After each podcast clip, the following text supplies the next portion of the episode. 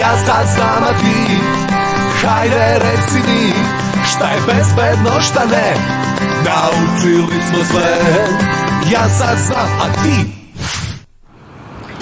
Da li ste čuli za Milorada Rajčevića, svetskog putnika rodom iz Leskovca? Ovaj hrabri pustolov početkom 20. veka obišao je celi svet. Bajkovite predele Azije istraživao je na svom biciklu. Bicikl je upravo omiljeno prevozno sredstvo svih onih koji vole prirodu, njene lepote, ali i smanjuju zagađenje. Pogađate, danas govorimo o biciklistima i njihovom ispravnom učestvovanju u saobraćaju.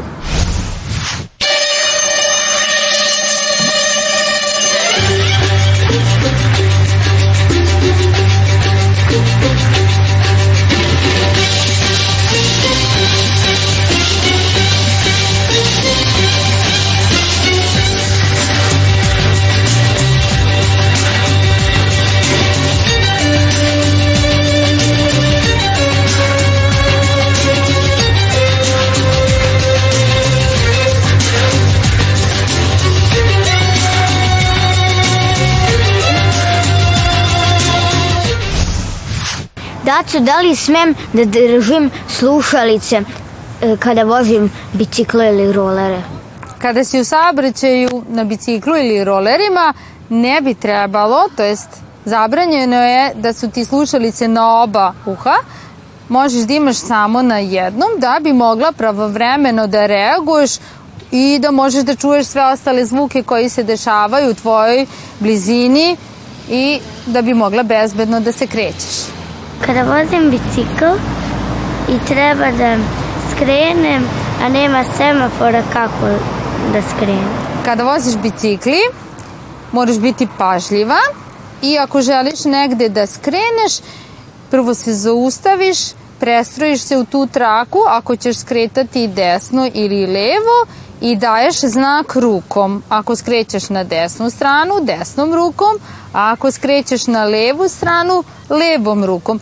Važno je da si sigurna da e, su te svi ostali učesnici u saobraćaju primetili i prepoznali su tvoju nameru i tek kada si onda sigurna da su oni to uočili, tek onda krećeš da skrećeš i naravno tu ruku ćeš vratiti na korman i nastaviti da voziš sa obe ruke. Daco, sa koliko vode ne smem da vozim bicikl na stazi za bicikl? Pa Nina, ja verujem da ti jedva čekaš da se okušaš na biciklu i da kreneš sa drugarima da se voziš, ali nažalost to ne možeš da uradiš dok ne napuniš 12 godina. Znači tek deca koja imaju punih 12 godina smeju da se kreću biciklističkom stazom. Da, da li ja smem da vozim sa jednom rukom, a da, prič, da pričam e, preko telefona sa drugom? Novače, zabranjeno je koristiti mobilni telefon dok voziš bicikli i nikako ne puštati ruke sa volana, a svakako moraš da vodiš računa o bezbednosti u saobraćaju i da poštuješ sve zakonske odredbe. Ti kao biciklista si punopravni učesnik u saobraćaju, znači nema telefona i ruke su na upravljaču.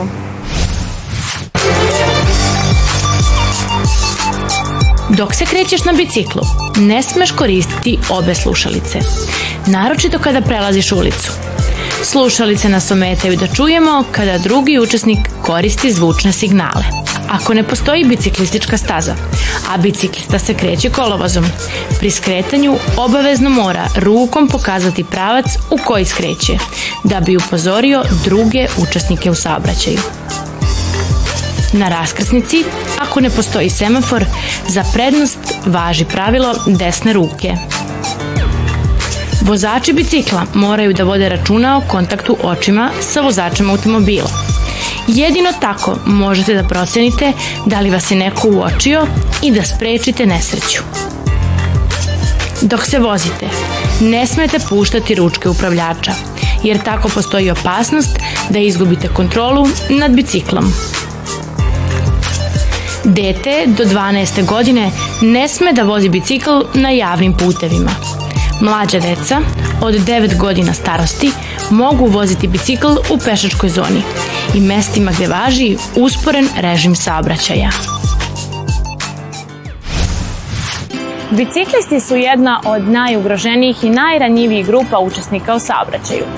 Godišnje se u Srbiji dogodi oko 1800 saobraćenih nezgoda u kojima su učesnici biciklisti. Dakle, jasno je zbog čega je veoma važno da znate sva pravila saobraćaja, jer tako čuvate svoju i tuđu bezbednost. Ja sad znam, a ti Hajde reci mi Šta je bezbedno, šta ne? Naučili smo sve. Ja sad znam